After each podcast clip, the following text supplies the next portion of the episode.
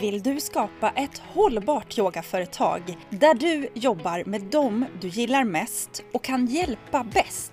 när och varifrån du vill. Med en trygg ekonomi tack vare återkommande intäkter. Då är du på rätt plats. Jag heter Angelica Henriksson, är yogalärare och entreprenör och vill hjälpa dig jobba hållbart genom att ge dig kunskaper, coachning och nätverk. Gisses vilken vecka som just har passerat. Ja, jag har faktiskt inte varit ledig en enda dag sedan du hörde ett avsnitt i Yogaprenörpodden senast. Maj är nämligen den månaden på året som jag är yogalärare allra mest nu för tiden. Det är nämligen då som jag har en hel del av yogautbildningarna för barnyoga.coms räkning. Så i veckan som just passerat, då hade jag den stora äran att ha Josefin Wikström med mig här på Studio Karma i Norrtälje. Ja, för det hade nämligen blivit dags för årets avslutning av utbildningen certifierad barn och tonårsyogalärare. Vi var lite knappt 20 personer som hängde tillsammans i dagarna tre. Vi har fått yoga tillsammans, prata, fördjupa oss i det här otroligt spännande ämnet. Vi har fått undervisa varandra, vi har fått nätverka tillsammans.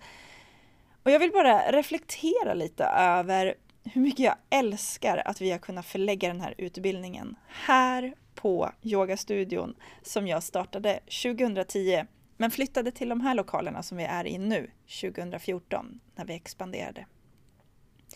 Ja, redan på den tiden så hade jag en hel del utbildningar här i de här lokalerna.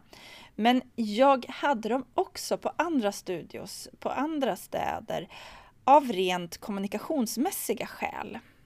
Ja, jag var till exempel i Stockholm och Göteborg regelbundet med barnyoga.coms utbildningar. Anledningen till det var att Norrtälje ligger bara en timme från både Stockholm, Arlanda och Uppsala, alltså ett väldigt bra läge för att ha utbildningar på. Men jag kände och hörde från mina kunder att det mentala avståndet, ja, det var längre. Så när jag la mina utbildningar i större städer, då fick jag nästan alltid ett par, två, tre sista minuten-bokningar. Bokningar som aldrig hände när jag förlade mina utbildningar i Norrtälje. Så det här var ju ständigt en avvägning. De där sista bokningarna, de var ju underbara för det ekonomiska resultatet, men också lite så här pepp. Det var kul när folk hoppade på i sista sekund. Men det gjorde ju också att mina kostnader ökade på grund av att jag var tvungen att transportera mig, betala för boende, men också då min tid och energi. Den här utbildningen som vi gjorde förra veckan, den är lite annorlunda. För deltagarna, de har gjort eh, huvuddelen av sin utbildning online. Och nu är det bara de här tre sista dagarna som vi ses på riktigt. Och då blir det ju definitivt inte några sista minuten-bokningar. Och jag har i god tid kunnat berätta om hur de kan transportera sig. Jag har gett förslag på massa olika boenden och vi har kunnat peppa varandra. Så nu, nu blir det istället en väldigt härlig upplevelse av att kunna ses här på plats. Och då gör det ingenting att det är lite, lite, lite längre ut till Norrtälje. För en sak är nämligen helt säker. Studio Karma är ja, utan tvekan en av de absolut bästa lokalerna att ha en utbildning i. Och det vågar jag säga. Dels för att det inte är jag som står som ägare på de här lokalerna längre så att jag kan mer objektivt berätta om dem. Men också för att jag har varit runt så mycket. Jag har lett utbildningar i så otroligt många yogastudios. Här på Studio Karma så finns det en stor yogasal. Det är bra avhängningsytor, bra med ytor för att umgås på. Det finns flera toaletter, ja för det ska inte underskattas när man har heldagsutbildningar. Men också att det finns en närhet till busstationen, mataffärer och restauranger och bra parkering. Och just nu i maj, då brukar faktiskt Norrtälje visa sig från sin allra finaste sida, så det är ett sant nöje att få bjuda hit deltagarna. Ja, jag är så peppad. Jag är så glad, så förväntansfull inför de här utbildningarna. Jag är så himla glad och tacksam över att jag inte längre behöver resa. Jag får ytterligare ett år jobba tillsammans med Josefin Wikström och att jag äntligen, äntligen fick träffa deltagarna på riktigt. Så förra veckan, det har varit en intensiv vecka. Det har varit både poddinspelningar, det är mycket spännande som kommer komma här i podden framöver. Det har varit en hel del administration. Jag slängde in ett webbinar om hållbar yogastudio. Tack alla som var med, det har varit ett riktigt bra webbinar. Det blev den här undervisningen för yogalärarutbildningen och så avslutade jag hela veckan med att på söndagen föreläsa på en annan yogalärarutbildning. Ja, ibland kan man ju undra vem det är som lägger schemat. Fast det gör ingenting. Jag är helt fine med att vissa veckor blir så här lite fullbokade, för jag har planerat in återhämtning efteråt. Och på så sätt så blir det hållbart ändå. För det gäller ju att hitta ett sätt att jobba på som gör att det är okej. Okay. Att det blir såna här tuffare perioder, att det blir lite utmanande. Ja, ibland kan det ju rent av vara tråkiga saker som behöver göras. Om man bara balanserar upp det, ja då gör ju det att man vill och orkar jobba vidare. Och det här blir lite grann som en radioövergång till dagens avsnitt. För idag har jag en intervju att bjuda på med yogaprenören Åsa Forsell. Åsa Forsell driver ett företag som heter just Orka Vilja.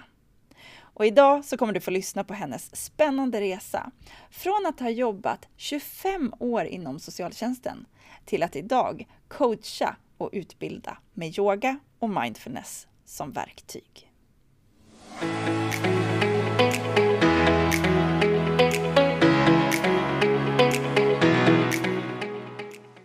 Då säger jag hej och varmt välkommen till Yogaprenörpodden, Åsa Forsell. Hej och tack så mycket. Superkul att ha dig här.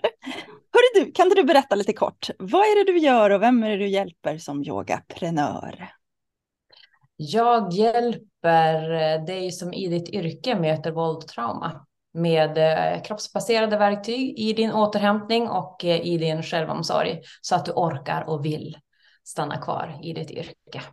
Just det, och vad heter ditt företag, eller på att säga, det här som du erbjuder? ja, alltså. Um, kursen heter ju Lugna och stabilisera, men det är ju traumaanpassad yoga som stressreducering mm.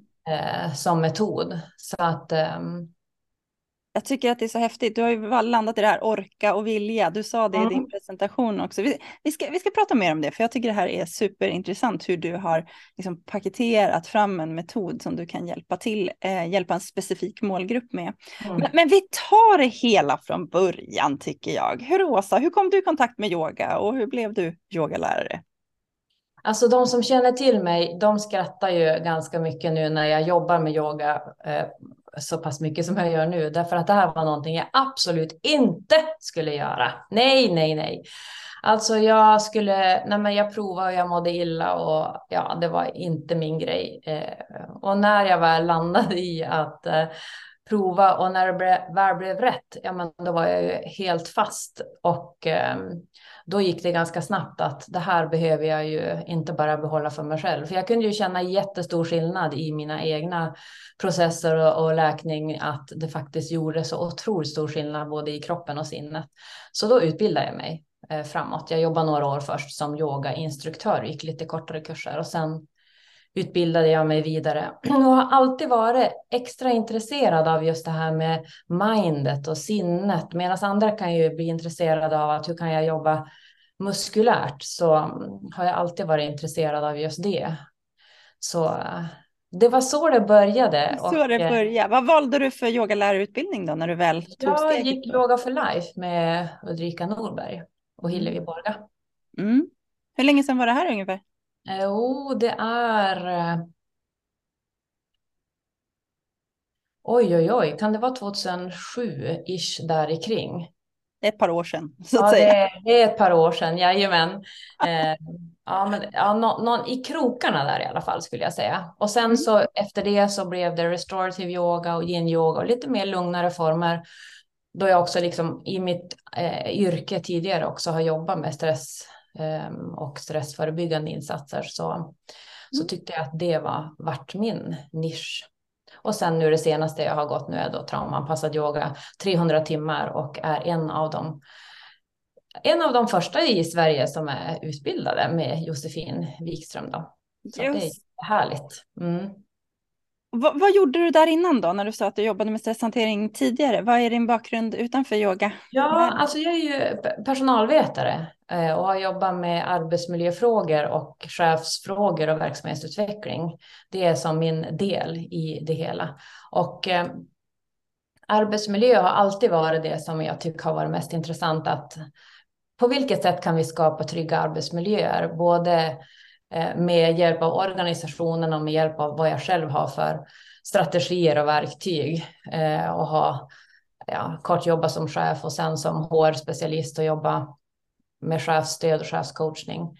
Mm. Och eh, de senaste tio åren innan jag då valde att gå eget så har jag haft som uppdrag i mitt uppdrag då, i socialtjänsten som jag jobbar i 25 år. Så, så de senaste tio åren har jag jobbat med återhämtande och förebyggande insatser och just då med fokus på socialsekreterare och haft mindfulness och compassion-kurser. Och, och i det så blev det också mer och mer kring att jag ser att när jag blandar in min yoga och rörelser, i mindfulness så är det ju tankar, känslor och kropp, så vi var ganska mycket i kroppen.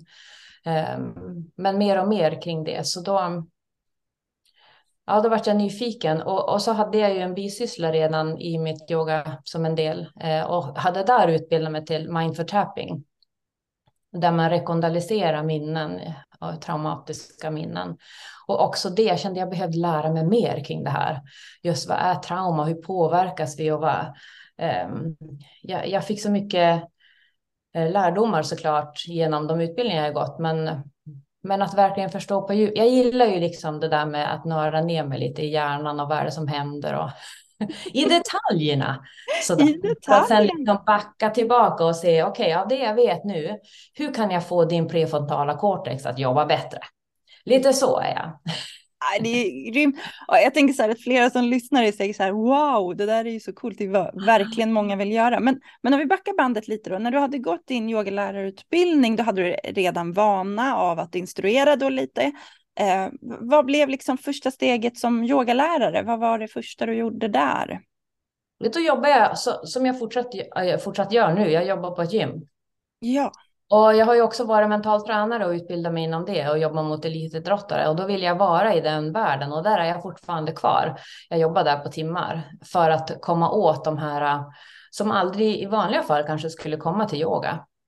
Så eh, det vart den vägen, gymvägen eh, och eh, där är jag kvar då med ett ben. Mm. Så det var början. Så steg, men steget därifrån då till att du fick in det i tjänsten, i socialtjänsten, hur gick det till att du fick börja inkludera yogan där? Egentligen så var det mindfulness som jag fick inkludera och i det så la jag in mer kroppsbaserade övningar. Men sen så när jag gick utbildningen så, så hade jag möjlighet att, alltså traumanpassad yoga, så hade jag möjlighet att då jobba eh, med två arbetsgrupper eh, specifikt en där vi hade en lite längre eh, där vi eh, undersökte att okej, okay, hur kan traumaanpassad yoga vara ett stöd eh, som en del i att både använda det under sin vardag för att kunna, alltså i arbetet före, under och efter, kunna använda de här kroppsbaserade metoderna för att reglera nervsystemet och också på kort sikt reglera mellan klienter och före och efter eh, och också på lång sikt då, eh, skapa eh, större hållbarhet. Och det, det varit en väldigt, väldigt fin studie med väldigt goda resultat. Ehm, så i samband med det också då så, så var det med personer med i gruppen från Kvinnofrid, Centrum eh, mot våld. Och då blev det ett samarbete där också. Mm. Så att um, jag hade en, en väldigt nyfiken chef som tyckte att det här är ju jätteintressant. Skulle vi kunna bidra till våra kunder, klienter, personal på ett sätt som är på ett annat sätt? Eh, så utifrån det så hade jag ju möjligheten då att eh, under en viss period i tjänsten göra det här tillsammans då med Kvinnofrid. Där vi då, och då var ju målgruppen de som har varit utsatta för våld. Och det, jag är fortfarande kvar där. Idag säger jag ju aldrig nej när de som hör av sig som har varit utsatta för våld eh, vill ha stöd. Och då får de köpa en individuell kurs. Mm. Och, eh, mm, och sen så vet jag ju också att 24 procent av de som jobbar inom vården och inom människonära yrken har också egen erfarenhet. Så att det är en väldigt kom komplext eh, värld att vara i. Att, att du kanske jobbar, speciellt de som jobbar med barn och utredningar, att har du också egen erfarenhet med dig in i det jobbet, även om du kanske inte har konsekvenser och symptom, vad du vet om i alla fall. Och så sen går du in i sådana svåra omsorgsutredningar där du ska göra svåra, tuffa bedömningar. Um, då, då, är det viktigt att tänka kring att just det, den här med självomsorgen om sig själv, att mm. inte så konstigt att det här känns jätte, jättesvårt. Det växer en massa, massa saker i mig. Mm. Så jag hade också möjlighet att dels jobba med gruppen då och så sen också eh, möjlighet att ha kroppsbaserad handledning som jag kallar det. Det finns nog inget sånt, men jag tänker så. Och man får ju alltid tänka att yogan är ett komplement. Det är väldigt viktigt att säga. Än så länge är det det. Det kommer troligtvis att förändras framåt, men det är ett komplement till handledning och behandling. Ja, de... alltså jag måste pausa lite där bara för bara vägen in på jobbet. Du sa att du hade en väldigt nyfiken chef Mm. Eh, kom liksom frågan från chefen eller var det du som ändå etablerade så här, nu har jag gått de här utbildningarna, jag, jag ser att vi kan göra, liksom, hur gick den dialogen till? Ja, det var, det var eh, jag som sa att nu går jag det här, vad tror du? Eh, har jag möjlighet att testa det här? Kan jag göra det på jobbet eller ska jag ta ledigt och göra det vid sidan om? För utifrån det. Och han är ju också väldigt intresserad av eh, yoga och mindfulness och har ju också gått självkurs hos mig då. Oh, bra. Eh, så att eh, det är ju. Ehm, Men initiativet kom från dig? Kan man ja, det kommer från mig och ja. sen fanns ju då en öppenhet att kunna se att ja, men kan vi kan vi prova det här och, och det var ju på test under en period begränsat så att mm. det var ju ingenting som skrevs in i min tjänst på något sätt utan under begränsad tid för att se. Jag tänker att det kan ge lite inspiration till den som lyssnar som idag ja. jobbar på en arbetsplats mm. liknande. Att, att det kan finnas en poäng med att liksom vara eh, lösningsfokuserad, hitta egna vägar och, och, så. Sen behövs det ju en bra chef och en bra struktur i organisationen också. Men det är jätteinspirerande att höra att det fungerar. Och då tänker jag att när det det vart ju som en boll som sattes i rullning här med allt du just nu delade, liksom kontakten dit, både in mot organisationer men också eh, liksom mot gemene man. Och så kommer vi in på det här med då sekundär trauma som du ju är inne på, då, som man kan uppleva i de här yrkena. Men du är ju inte anställd längre idag, så vad var Nej. det som hände här när du tog klivet och blev yogaprenör på heltid? ja, men eh, det här är också spännande för andra runt omkring har sagt så här, ja men det här har vi bara väntat på nu. Det här, vi är inte förvånade, men du vet man är inte där själv. Nej, men så det varit eh, väldigt mycket eh, förändringar på jobbet och man tittade över vad jag skulle fortsätta att göra och eh, med det så, så hade jag inte möjlighet att fortsätta att göra de delarna och, och då fick jag ta ställning kring att ja, men vad vill jag då? Eh, så då valde jag att eh, ta klivet att eh, bli egen på heltid och i mitt bolag har jag två ben där yoga är det ena och sen har jag ju det andra då som är chefscoachning och jag jobbar med organisationer och, och med hållbarhet även där. Och, då, och där är det ju också, man kan, man kan ju inte säga riktigt samma traumaanpassade metoder, men där använder jag ju den kompetens jag använt i som HR och eh, chefstöd och organisation och arbetsmiljö har jag mm. jobbat med arbetsmiljöutbildningar och så, så att där har jag dem, mm. det fokuset. Ser du att du kommer ha de här två benen även framöver? Är det liksom så du vill jobba? Jag skulle gärna vilja kombinera de här två. Mm. Sen får det väl utvecklas och se. Det mm. har jag väl fått lära mig då av min goda coach Angelica, att eh, allt har sin tid. vi börjar på ett sätt och så får vi se hur vi landar och jag är helt eh, med på det. Eh, och det, jag har ju, nu har jag verkligen valt mina absolut arbetsområden som mina ögon glittrar och jag får den här energin och jag hoppar upp på jobbet. Nej, vad brukar du säga? Vad är det som får dig att gå till jobbet? Ja, vad är det som får dig att skutta ur sängen på morgonen? Ja, skutta ur sängen. Ja, ja och, och jag har ju alltid själv varit så när jag har coachat andra. Så vad är det som hela, eftersom jag är så kroppsbaserad, jag ser direkt när det liksom börjar glittra i ögonen, när äh, engagemanget kommer igång och det blir som så här, oh, do, do, do, det där är det vi ska jobba vidare. Om jag jobbar med chefer eller så, säger jag, ja men det där är dina styrkor som ledare, ja oh, det ska vi göra mer av. Um, och sen då um, kopplat till um, socialsekreterare eller chefer inom socialtjänsten så har det ju varit samma sak där, att alla har ju ett brinnande intresse för att kunna Eh, hjälpa någon annan människa att få det bättre. Det är ju det som är deras drivkraft. Och när jag ser att den börjar släckas, då är det ju som att det gör ont in i själen. Och, och den skillnaden från att liksom när vi börjar jobba och så tar det några veckor och så ser man hur det börjar om och hur kroppen börjar ändra sig och de börjar tänka på ett annat sätt och de hittar sätt att återhämta sig. Och det är helt fantastiskt. Det går, det går aldrig sluta jobba med det. Jag fick lite så här rys på låren när du pratade, för jag känner igen mig i det i som form av, av yogaprenör, att jag samma där, jag vill ju se yogalärare fortsätta växa, fortsätta lyckas, eh, fortsätta hitta sitt sätt, liksom. inte jobba kvällar, helger om det inte är det man vill eller vad, vad det är. Och det är precis det där, det glittrar i dina ögon när du mm. pratar och det är ju det som också får mig att liksom ja, skutta ur sängen på morgonen när man ser att det lyckas. Så att jag, jag blir bara jätte, jätteglad. Och om vi landar i det benet då, så heter det orkavilja.se. Mm. Mm. Om vi vill titta in på hemsidan. Mm. Och det du gör i det benet, kan du beskriva vad du erbjuder där? Mm.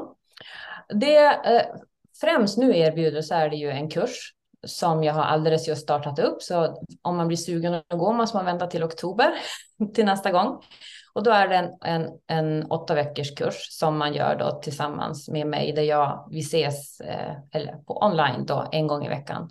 Och sen så finns det möjlighet att köpa individuell eh, kurs och då är den 12 veckor och där får man ju mycket mer individuellt anpassat och eh, de veckorna vi inte träffas så får man sms-kontakt eller mejl eller så. Så att det är mycket, mycket mera eh, individuellt och anpassat så. Men, Men den sker helt online? Helt online? Ja, Ja, mm. det är helt online. Om man inte bor i Skellefteå och vill komma till mig, då är man ju här. Och det har jag ju även de som, som kommer hit till mitt, mitt, min yogastudio hemma. Mm. Så, så det är det. Och det jag håller på att utveckla nu då, det är ju eh, några andra mer självstudier, lite mindre kurser som man kan köpa och göra själv. För det är ju också ett önskemål framåt och lite andra grejer så. Mm. Det är ju, allt är under utveckling, en sak i taget. Det som har varit otroligt roligt att följa din resa, vi har hängt ihop ett tag nu, det är ju att um, en sak du hade från start, det var ju att du hade en, en metod. Alltså när du vände dig, du började jobba med mig i, som medlem, men sen har vi också haft privat eh, samtal, privat coachningar där vi tittar på det har aldrig varit ett snack om metoden. Du har verkligen validerat som man brukar prata om. Alltså du har testkört. Mm. Uh, jag behöver ett upplägg på sex veckor. Vi ska gå igenom det här vid första, det här vid andra. Det behövs ett uh, implementeringsveckor där de jobbar själva och sen fångar upp. Metoden var du så stenklar, om det finns ett sånt, kristallklar kanske är mer rätt uttryck, uh, när vi började jobba tillsammans. Mm. Hur har du utvecklat det här? Hur har det landat hos dig? Mycket kommer ju från mindfulnesskurserna som jag har haft eh, tidigare. Eh, att eh, jag vet att saker och ting tar tid eh, och att man behöver ha stöd eh, och att jag ska ha en klar bild om var jag vill ta dem. Eh, men det är gruppen som liksom bestämmer takten i det. Eh, och det är ju lite annorlunda än att jobba online så att eh, Ehm, att få höra var så är de någonstans kräver ju ett litet annat arbetssätt än vad man är van att när man ser dem i rummet. Men också att man, man utvärderar varje gång ehm, för att träna på att eh, känna in kroppen så fint inom yogan kallas det introception, att, att liksom kunna känna efter hur blir det i kroppen för att sen kunna vara mer medveten när man då väl är ute i jobb, att vad, vad händer i mig för att kunna förändra på plats direkt. Mm. Eh, och, just de här reflektionerna, eh, det kan jag också se att beroende på var man är i sin, i sin ork, om jag säger så, så, så kan det kännas olika inspirerande eller motiverande att göra de här um, reflektionerna. Eh, Mm. Så, så för de som är väldigt långt ifrån och till och med kanske sjukskrivna, då får man tänka lite annars. Men jag är ju jag är ju van att jobba hela spektrumet så att um, men det är mycket dialog emellan. Eh, när Men man, du har Ja. nischat in dig mot, du har nämnt socialsekreterare och sen fler? ja, egentligen alla som jobbar och möter våld och trauma. Och, och, och det är ju utifrån, alltså det är poliser, ambulansförare, advokater, eh, ja, utredare inom polisen. Det behöver, det var inte vara så, behöver inte vara så att du jobbar inom just eh, polis, polis, utan inom nischerna eller områdena. Eh, psykologer, Mm. eh, kuratorer, behandlare. ehm, och ehm, ja, och, och det är klart att man skulle kunna nischa sig ännu mer och bara till någon av de här. Och det får vi väl se vad, vad som blir framåt. Av det jag kan se nu så är det ju lite brett vem det är som, vem som är med. Eh, och eh, det är klart att ju mer synlig jag blir och ju fler erfarenheter jag kan dela med mig på det här sättet att jobba, så då, då, då eh, får vi se. Men som- om jag kommer in som liksom coachen här så tänker jag, eller liksom reflekterar på det, så när vi pratar nisch och målgrupp är det ju lätt att man tänker sig, jag får bara använda en yogaform, jag får bara vända mig mot en typ av människor. Det är lätt att man hamnar i det spåret och jag har full förståelse för det. Men om vi lyssnar på vad du lägger in här för verktyg när du jobbar så är det ju långt ifrån en yogaform. Du kommer från flera yogaformer, du har Mm. mindfulness, Mm, mm. Eh, du har hela din erfarenhet av att jobba i organisationer, Mm. ja, med allt vad det ger. Men du också, kan jag lova, att du plockar in det du använder i coachningen med Mm. elitidrottare. Alltså Mm. din verktygslåda är en stor, där du bara har valt att okej, jag har en metod som jag lutar på, den börjar här och den fortsätter i de här stegen. Mm. Sen lite beroende på grupp så kan jag plocka fram olika verktyg. Mm. Det är ju en sån stor skillnad för alla som tänker på att ja, men jag måste välja en yogaform och använda mig av den. Eller jag måste bara, ja, om vi kommer till målgrupp då också, Mm. jag måste bara jobba mot poliser till exempel. Nej, för du har sett ett problem. Och Mm. problemet är, hur ska jag orka och vilja fortsätta vara i min profession? Mm. Jag utsätts varje dag för jobbiga saker, jag måste hantera det här hela, hela tiden. Men har man klivit in i yrket, någon av de här vi har pratat om, så har Mm. man ju ofta en brinnande passion. Man har ju Mm. en medmänsklighet som liksom är verkligen top notch. Och då är det just de här orden, att orka men också vilja vara kvar. Och Mm. därför tycker jag att din nisch och målgrupp är kristallklar fastän den är så bred. Mm. Sen kan det ju vara att du i din utveckling, liksom, beroende på vilka dörrar som öppnas, hur du känner, det kanske liksom är poliskåren som står där och du liksom blir deras specifika coach kring detta, eller någon advokatsamfund eller vad det kan vara. Det kan varken du eller jag sitta liksom och, och reda ut, för det beror också på hur du utvecklas och vilka människor du möter och så. Men du har ju gjort en tydlig, tydlig avvägning. Det är de här jag hjälper med det här gemensamma skavet eller problemet. Mm. Eller, det är ju också en, jag brukar säga att skav är problem, önskan eller utmaning. Mm. Här har ju ett problem, Mm. men de har en utmaning. Och de har också en önskan om att orka och vilja. Så det, alltså det är kristallklart. Jag tycker verkligen det. Så härligt att du säger det. Ibland kan det ju kännas väldigt rörigt. Det vet du i mitt huvud. Ja, Jag tror, eller jag tror inte, jag vet, det är ju det som är skillnaden också, att jag har jobbat organisatoriskt, vilket gör att jag kan båda delarna. Det jag har valt att jobba här med, det är ju vad de själv kan påverka. Men sen när jag har jobbat och kan jobba in i organisationer, då tittar vi ju mer bredare på, okej, okay, hur ska vi göra en traumaanpassad organisation? Jag kallar det det. Det finns nog troligt ingenting som det. Men eh, eh om man tittar på, ja men, eh, där det är möjligt att kunna göra mellanrum mellan hur mycket traumatid har jag och hur mycket annan tid har jag som jag kan varva mellan så att jag får en, ett eh, andrum mellan. Mm. Och när man tittar på, om vi nu tänkt dem som, som kvinnojourerna som jag träffade på här i, i, förra veckan och hade föreläsningar för dem, för det är också det jag gör. Jag håller ju föreläsningar kring metoden såklart. Såklart du gör. Såklart jag gör. Eh, och kvinnojourerna och tjejjouren då här i Skellefteå. Så jag säger bara tack för inbjudan eh, kring det. Eh, um, och då ska vi se vart jag skulle komma då. då. Men att du kan se det både traumaanpassad arbetsplats var vi inne på. Jo, och då tänker man det, i det yrket och i de flesta av de här yrkena så är det ju det är det man utsätts för. Alltså det är en del av yrket som det så fint heter arbetets beskaffenhet. Alltså när du är i jobbet så är det det du ska göra, vilket innebär att um, det mesta av tiden är ju att möta för det, flest, för det mesta då kvinnor som har varit utsatta. Det är ju även män och barn såklart. Men eh, kvinnojourerna i, som det har varit nu är ju ehm, flest eh, kvinnor som vänder sig dit.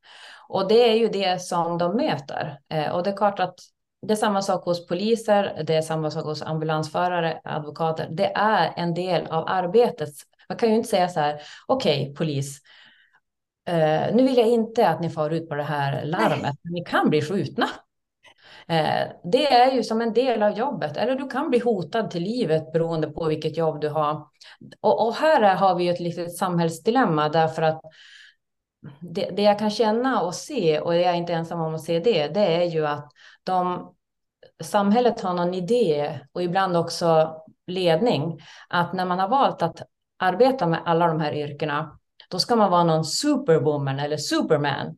Att man, har, man ska klara jobbet, du ska liksom klara det där tuffa. Och så glömmer man bort att eh, ge den här handledningen, vilket de flesta har. Det står ju också reglerat i arbetsmiljölagstiftningen att vi ska ha eh, alla arbeten som har stark psykisk belastning ska eh, man ska få handledning och jag vill ju vara i kroppsbaserade handledningen i, i relation eller kombination med det. Så, så handledning har ju de flesta, men, men eh, ändå så är det som att man har någon idé och ibland också den idén själv att jag ska klara det här. Jag ska. Ja. ja, men det är ju en tuff kultur. Jag har både poliser och ambulansförare mm. i min vänskapskrets och det är liksom Alltså man häpnar ju av vad mm. de utsätts för och, och den här lite hårda jargongen och det ja. kan finnas något, precis som ja. jag som kom från bankvärlden, där kunde det finnas någonting fint i den som jobbade mest och var mest stressad. Det var lite pondus. Vi ser ju att det finns samma i de här kårerna, mm. liksom i mm. att den som är coolast och, och tar, i, i, tar minst hjälp. Nej, men, mm. men nu när jag sitter och lyssnar så tänker jag att anledningen till varför du ganska troligt kommer vara kvar i alla de här delarna, det är ju att du har paketerat, om vi, om vi tänker att det finns ett gemensamt problem här då, som är just eh, hur ska man orka vilja stanna kvar? Det, du, du har ju kokat ner det så himla bra där. Mm. Eh, men det är på alla nivåer. Du kan mm. jobba organisatoriskt, du kan coacha chefer, du kan mm. coacha chefer i annat också, men du kan ju verkligen gå in specifikt i det här. Mm. Du kan coacha grupper, du kan göra det på en väldigt ytlig nivå i form av föreläsningar, men du kan också gå in gruppbaserat och jobba i gruppen. Och sen har du på individnivå där du kan coacha, hjälpa till individen i sin yrkesroll. Men du har också öppnat för att man som privatperson, man behöver inte blanda in sitt arbete där. Jag behöver inte berätta för min arbetsgivare att jag tycker att det är jättejobbigt, utan jag skulle kunna närma mig dig som privatperson och börja jobba där tills jag har stärkt upp mig och kanske kan gå till min chef och säga att det här funkar inte eller jag behöver mer hjälp och handledning. Ser du det breda mm. spektrat som du faktiskt hjälper till med? Det låter ju helt fantastiskt. Det här du gör varje dag, jag bara speglar det du redan gör här. Ja, nej, men jag, jag, jag, jag har börjat landa i det att eh, eh, det är så här det är. Någon annan kan ju säga så här, eller ja men oj det är lite spretigt, men det är inte det, inte nu. Förut var det det kan jag tycka. Nu är det en väldigt klar, jag är väldigt klar över vad det är jag gör för någonting. Så Ehm, och det, eftersom jag är så kroppsbaserad så känns ju det väldigt skönt i kroppen. Ja, jag, jag vet, jag resonerade med dig någon gång när det var någonting jag skulle bestämma mig om. Jag sa, det har liksom inte, eh, det har inte landat i kroppen än. Nej, det skaver lite grann tills det bara, yes, där satt det. Ja, och jag känner igen det där så mm. mycket och jag tänker att du kommer få nya skav. Det kommer komma om och om igen. Det får man ha ett mindset om att det ingår i, i jobbet som yogaprenör. Men att vara uppmärksam, det är där vi sitter på en sån superpower som yogalärare. Mm. Att vara så här, nu, det har inte landat, det skaver, det är någonting som inte riktigt stämmer. Att liksom inte direkt då gå in i det för att jag är värdelös, jag har ingenting att göra, mm. jag kan inte hjälpa någon, jag kan ingenting. Utan istället gå in i att okej, okay, det stämmer inte riktigt, vi behöver fila, putsa. Och det är ju där, du har ju varit fantastisk på att ta hjälp, både av mig och av gruppen och jag vet att du har andra runt dig också. För att sitta hemma, då börjar ju ofta hjärnspökena liksom ta över. Där blir man ju så här, nej men det är bara att lägga ner. Liksom. Jag kan ingenting. Nej, men jag tänker att det kan vara skönt att höra att säga så ja. för oss alla. Mm. Och har man kvar mm. då den här, det du lär ut, känn in vad som händer, har det landet, mm. var är det, vad är det som hamnar fel? Liksom. Då, är man, då kan man ju vara rätt så spretig. För då är det fortfarande liksom klart, eller när det väl sätter sig så blir det som liksom hugget i sten. Mm. På något sätt. Det här är ju så coolt. En annan sak som du är väldigt bra på, eller, eller så här. Jag upplever att du är bra på att förstå värdet av pengar i det här. Att sätta ett värde på det du gör. Och då kan vi göra en, liksom en liten throwback ungefär där vi började samarbeta när du sa så här, ja, nu har jag dubblat mina priser från Berätta, vad var det du gjorde där? Eh, jo, coachningen va? Ja, för då, då hade jag fortfarande kvar att jag jobbade som mental tränare mot elitidrottare. Eh, och, eh, och bara det jag hörde, då hade jag ju lyssnat på Yogaprenörpodden. Jag eh, hade väl inte riktigt gått in i eh, ja, medlemskapet då, men ja, eller kanske. Ja, bara det kändes det, nej Åsa, nu är det dags. Gånger två. Gånger två? Gånger två helt enkelt, för det var så otroligt litet. Eh, och, och, det är väl nackdelen när man jobbar har det som bisyssla. Så, så, så det är ju, det blir ju en helt annan sak när man tänker att det här är det jag ska leva på. Och det hör ju jag när jag säger idag att en individuell insats kostar så här mycket. Mm. Ja, men då förstår jag det, säger ju den som ska köpa. För att det är ju så mycket som jag får och det kommer att vara, ja, så. så och, och det får jag ju landa i att, ja, men, men det är så. Mm. Men det är klart att det är spännande att eh, sätta pengar för jag kan tycka ibland så där, ja men vad, vad är det som gör att just jag eller en sån här kost, eh, ja, vara mm. ska kosta så här. Men ja, nej, jag har landat i det att uh, vara modig. Jag har tre ord i, som jag har ledord med mig de här eh, året och det är modig, det är perspektiv och det är frihet. Just det. Och de här tre har ju fått eh, friheten att liksom kunna säga ja och kunna säga nej. Mm. Eh, och lägga upp jobbet som är nej. Men modig har verkligen varit någonting som jag verkligen har måste luta mig mot. När jag har stått och velat så här, ska jag det eller ska jag det? Ja, vad skulle den modiga Åsa göra? Oj, coolt. Eh, ja, hon skulle kör, säga kör. Mm. Wow. Okej, okay. Då gör vi det då. och, så, och så kan jag hoppa runt här i köket bara. Och ja, därför att annars är jag ju kvar i det som redan har varit. Och det är ju så här, nothing changes if nothing changes. Skillnaden som är skillnaden. Det är ju mina ledord när jag också coachar andra. Det kommer inte att bli någon förändring om du inte gör någon förändring. Mm. Och det är klart, det är ju med stöd och, erfarenhet av, av det är ju andra runt omkring också. Att, att när man kommer in i en entreprenörroll behöver man ju sätta på sig vd-hatten som du brukar säga. Mm. Ja, verkligen. Vill du utveckla perspektiv också bara så vi får det, för det var ja, så bra där. Både... Ja, eh, just det här att jag är väldigt detaljorienterad eller inriktad. De som har jobbat med mig, de, de eh, ja, så, så det här att det är viktigt för mig att liksom zooma ut och sätta mig lite högre upp och se alla detaljer eh, lite så här eh, ja, att få perspektiv, kanske perspektiv under ett år, fem år, tio år, vars vill jag vara någonstans? Ställa mig själv alla de här frågorna som jag ställt till dem jag coachar. Eh, mm. och eh, perspektiv och i relation till är också lite intressant. I relation till hur det har varit förr, i relation till hur jag vill att det ska vara, vilket och vilket perspektiv, man kan ju utveckla det hur mycket som helst. Vilka glasögon har jag på mig? Är det, som, ja, är det vdn, ekonomen? Eh, är det yogaläraren? Är det jag som människa, jag som mamma? Mm, verkligen. Verkligen. Så, ähm, Olika och, perspektiv därifrån tänker jag också. Så här, vem ja, är det som pratar? Liksom? Vad, ja, precis. vad vill yogaläraren ha i företaget? Vad mm. vill eh, lediga mm. Åsa ha? Vad vill, vill mm. Men det är inte...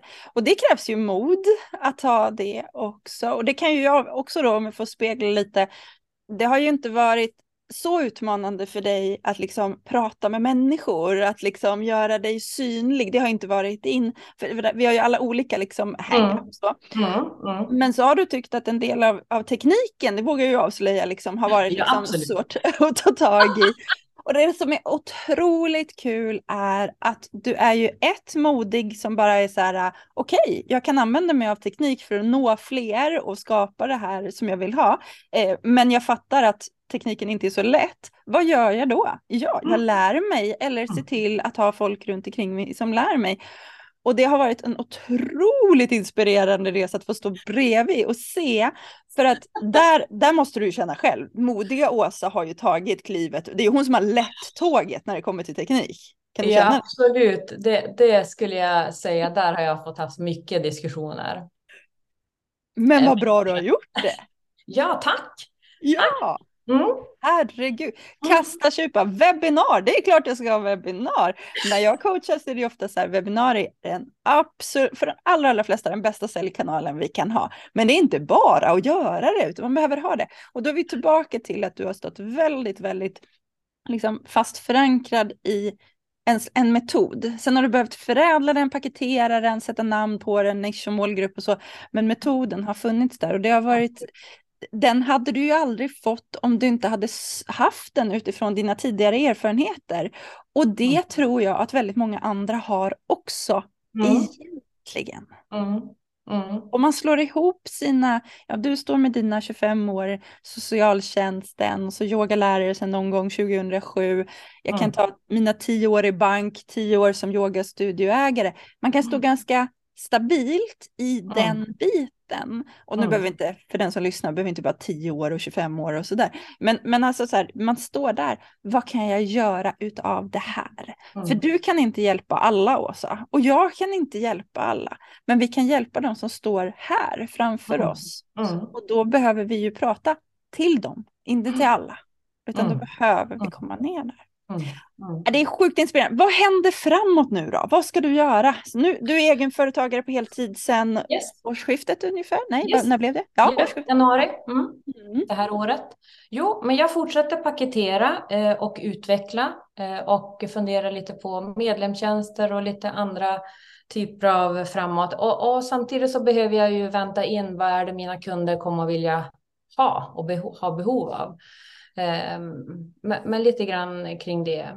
Föreläsningar. Jag kom också att samarbeta med Josefin Wikström som, och Evelina Silensalo där eller jag kommer att vara ett gästspel i deras utbildning där där vi har satt ihop eller de har satt ihop en utbildning som är nu specifikt till de som jobbar i socialtjänsten och vill använda metoderna till sina klienter och kunder.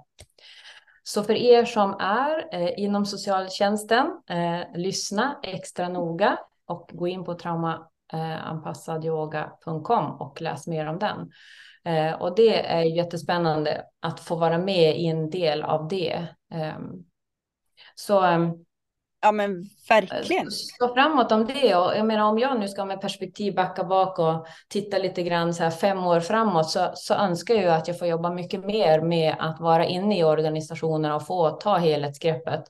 Nej, för jag har ju också jobbat som projektledare i, i, min, i, min an, i mitt andra del i, i socialtjänsten har jag haft flera uppdrag där och har ju jobbat med flera kommuner där vi också har jobbat dels med arbetsgivarperspektivet och våld och annat. Jag har goda kunskaper kring det, men, men just att kunna få vara inne och att både praktiskt få ge verktyg eh, och samtidigt titta på den organisatoriska delen, det skulle väl vara fantastiskt.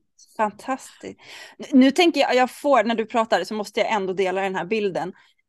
Det kommer ju vara så här, när ett företag växer så kommer man ju till en liksom brant sluttning där det är vad Eh, liksom, du har begränsat med tid, det kan man inte tro när man mm. hör dig, men även du har 24 timmar på ditt Yes.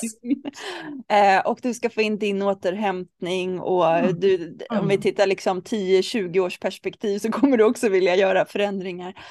Det kommer ju vara svårt att klona Åsa. Alltså det kommer vara svårt att hitta liksom ett team runt som är du med det mm. du gör. Eh, så troligen så kommer det ju vara lättare att bygga ett team runt dig som bäddar, som gör allt annat. Eh, och vi behöver inte gå in i ett coachningssamtal kring det, mm. men jag tänker att din, din riktning kommer ju ganska snabbt troligtvis att ske i att bygga upp den här ordentligt hållbara strukturen runt dig, där mm. dina timmar är så fruktansvärt värdefulla, att de ska gå till exakt rätt saker. Mm. Och då kommer det vara allt ifrån liksom logis logistiska, alltså om du ska resa, hur du gör det, mm. vem ska mm. boka, vem ska göra, jag ser ju en, en, liksom en assistent kommer troligtvis att finnas. Och det ser du, jaha. Det ser jag det. Eh, jag ser att du kommer behöva teknik som verkligen kommer jobba för dig, alltså hemsidor som eh, tar med specifika delar av hemsidan som är så här, när du kommer i kontakt med någon som vill veta mer så ska de kunna slussas till hemsidan och liksom, så att när de väl tar din tid, då har du verkligen trattat ner att de är av intresse. Och det här är ju också ett sånt här mindshift. Det började med liksom pengar och ta rätt betalt, men att fortsätta tänka på det sättet. Hur optimerar du din tid? Och när du ger av din tid, hur gör du det skalbart? Så att när du sitter och föreläser, när du gör allt som går att göra för flera, gör du för flera på en gång, du öppnar upp det. Sen kommer det ju vi pratar om individer, du kommer behöva ge liksom de här skräddarsydda lösningarna. Men det är ju ditt guldstoff liksom. Och det är nog lika bra att börja bygga upp organisatoriskt det tänket på en gång. För du kan inte vara både där och där och där och där och där samtidigt. För du är inte heller mer människa och kommer behöva bygga en hållbar struktur. Mm. Det tror jag att du kommer behöva mm. räkna på på en gång. Och det vet jag att du gör. Mm. Ja. Vad låter... tänker du när jag säger så? Ja, men det låter, jag blir jätteinspirerad. Vd-hatten på direkt. Eh, och det är ju verkligen det här lager på lager med klarhet. Ja. Eh, så när nischen är satt, eh, ja men då kan man börja med det och, och det kan jag väl också säga. Jag har ju ändå inte varit igång så himla länge, men jag tänker ändå att en sak i taget, att, att våga det, det är ju eh, inte riktigt eh, min grej egentligen. Eh, så, så verkligen eh, att låta det ta en, e, en sak i taget. Det är ju på ett helt annat sätt att få bygga upp någonting än att få vara i en organisation som jag har varit i, där den har funnits och där jag utifrån det, de behov jag har sett där, kunna bygga. Men då har det ju redan ändå funnits någonting och det krävs inte så mycket insäljning och på, på det sättet. Ja, i och för sig gör det väl det man ska alltid komma med. Jag har den här idén, skulle jag vilja jag skulle vilja testa den. Ehm, ja, så att. Eh, jag, jag hör dig där och skulle vilja vända på perspektivet lite. Eh, för det händer ju i vår gruppcoachning också, att de som sitter med en etablerad verksamhet kan komma och säga, åh det här är så svårt för vi är redan igång. Och så finns det de som sitter och säger, ja men jag har inte kommit igång än så det är så svårt. Mm. Eh, att det där är ju bara två liksom, sidor mm. av, av mm. myntet. Det du kan göra är att du har varit inne i så många organisationer och faktiskt eh, du skulle kunna liksom göra en liten tankeövning, eh, två papper på väggen. Ena pappret, saker du har sett i organisationer som du gillar, som du attraheras av, som du tänker att liksom, när Åsas imperium är startat, det behöver inte vara din dröm, men när det har det här stora, hur skulle, den, hur skulle liksom Åsas drömorganisation se ut utifrån mm. de erfarenheterna kontra andra pappret? De här sakerna ska bara inte finnas i mitt liv, det här ska aldrig få hända. Att mm. bara måla upp liksom det här plusset och minuset mm. båda sidorna av mm. myntet. Det gör ändå att när du står inför val så kommer du ändå kunna blicka upp på papperna och känna att det är ditåt jag ska. Mm. Jag har inte mm. lösningen, jag vet inte hur det kommer att se ut, men jag ska definitivt inte ditåt i alla fall. Nej. Så även om du inte vet hur det ser ut och det vet ingen av oss så tror jag att liksom, med alla de erfarenheter du har så dra dig åt det hållet som du mm. tycker. Mm. När du får mm. det där pirret i kroppen, när det liksom glittrar i ögonen. Mm. Vilken resa! Om man vill följa dig och liksom se allt det här som händer, hur får man kontakt med dig då? Ja, men då går man in på, eh, jag har ju en hemsida som heter Orkavilja .se och där kan man ju såklart skriva upp sig på nyhetsbrevet så att man håller sig uppdaterad på allt nytt som kommer. Eh, och sen så har jag ju ett Instagramkonto också, in, orkavilja.se. Ja. Eh, och eh, på hemsidan kan man ju få, har man ju kontaktuppgifter och så om man vill komma i kontakt med mig. Så ehm, det, det är väl de, de enklaste kanalerna. Verkligen, verkligen. Mm. Jag får tacka så hemskt mycket för att du ville dela din resa, dina kloka tankar, dina tre värdeord tror jag ja. att vi är fler som kommer att ja. ta till oss utav. Mm. Tack så hemskt mycket Åsa. Tack.